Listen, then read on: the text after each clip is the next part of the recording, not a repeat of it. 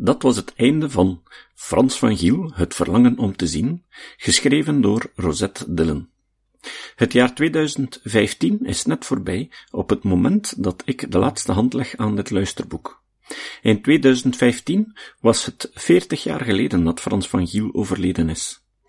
Ook zijn tweede zoon, Jeff, die veel informatie aan Rosette ter beschikking stelde en zich gans zijn leven hard inspande om het werk van zijn vader te promoten, is precies tien jaar geleden overleden. Hij was mijn vader.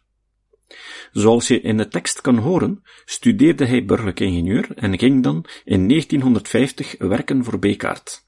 Daar werd hij bijna onmiddellijk als expat naar Chili gestuurd, waar het bedrijf net een acquisitie van een nagelfabriek in Santiago had gedaan.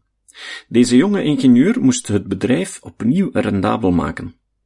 Na enkele jaren verhuisde hij naar Concepción, de tweede stad van het land, ongeveer 500 kilometer ten zuiden van Santiago, waar hij bijna twintig jaar zou blijven wonen, om in 1970 met zijn vrouw en negen kinderen, die in die periode geboren zijn, terug naar België te komen, om er te gaan zetelen in het directiecomité.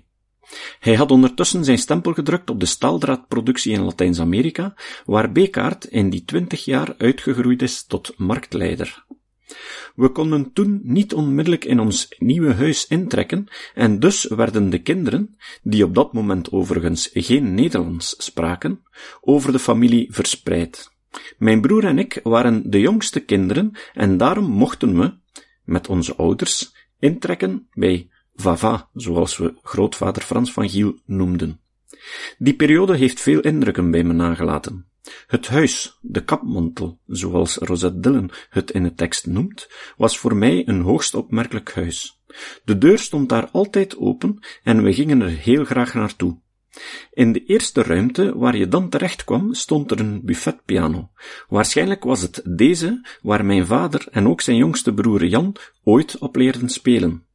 Het was een heel gezellig huis, en je kan je mijn ontgoocheling wel voorstellen toen ik enkele jaren geleden Wechelderzande bezocht en vaststelde dat het huis niet meer bestond. Als kind zag ik Frans van Giel steeds als een lieve, stille man, maar toch getekend door de tijd. Het overlijden van zijn vrouw heeft hij nooit verwerkt. Zelfs ik als kind had dat gezien. Ook toen we uiteindelijk in ons eigen huis woonden, verlangden we telkens weer om naar Wechel te gaan. Er was daar altijd iets te beleven. In de herfst gingen we met hem appels en peren plukken in zijn tuin, en enkele maanden later had hij er wijn van gemaakt. Hij was heel veel in zijn atelier, en als je als kind in de buurt was, mocht je model zijn. Jeff heeft, ondanks zijn drukke professionele leven, altijd de nodige ruimte aan kunst gegeven.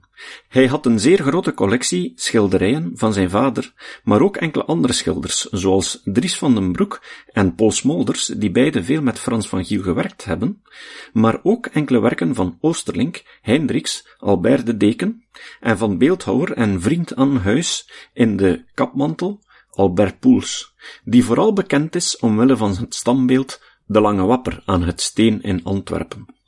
Hij was ook een grote muziekliefhebber en de trotse eigenaar van een Steinway halve vleugel. Regelmatig kwamen er muzikanten als vriend bij ons aan huis en op tijd en stond werd er een recital gegeven door muzikanten zoals Bruno Bris of de gezusters Panoge.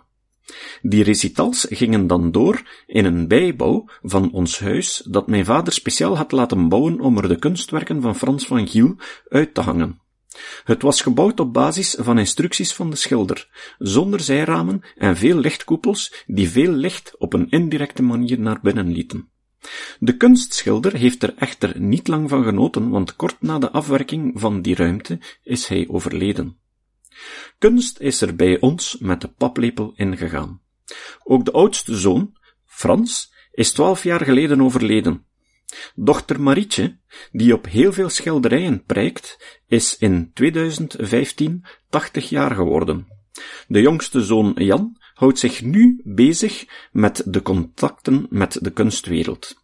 Hij was ook erg actief in de jazzmuziek en had zijn eigen big band genaamd naar de stad waar hij woont, de Yellow City Big Band.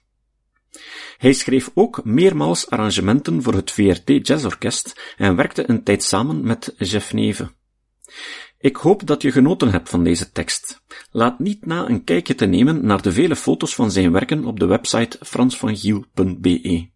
Ik ben volop bezig met deze lijst foto's verder uit te breiden en op de website ter beschikking stellen.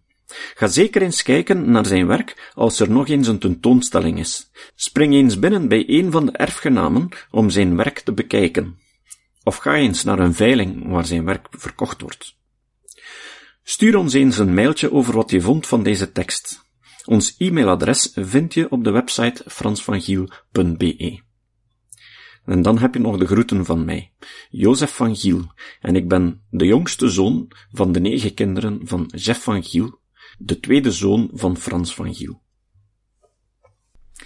Als je deze opname goed vond, luister dan naar andere luisterboeken die ik opnam. Je kan ze vinden op de website kritischdenken.info, onder de menu Extras luisterboeken. Of je kan luisteren naar mijn podcast, die ik op die website publiceer. Tot binnenkort misschien.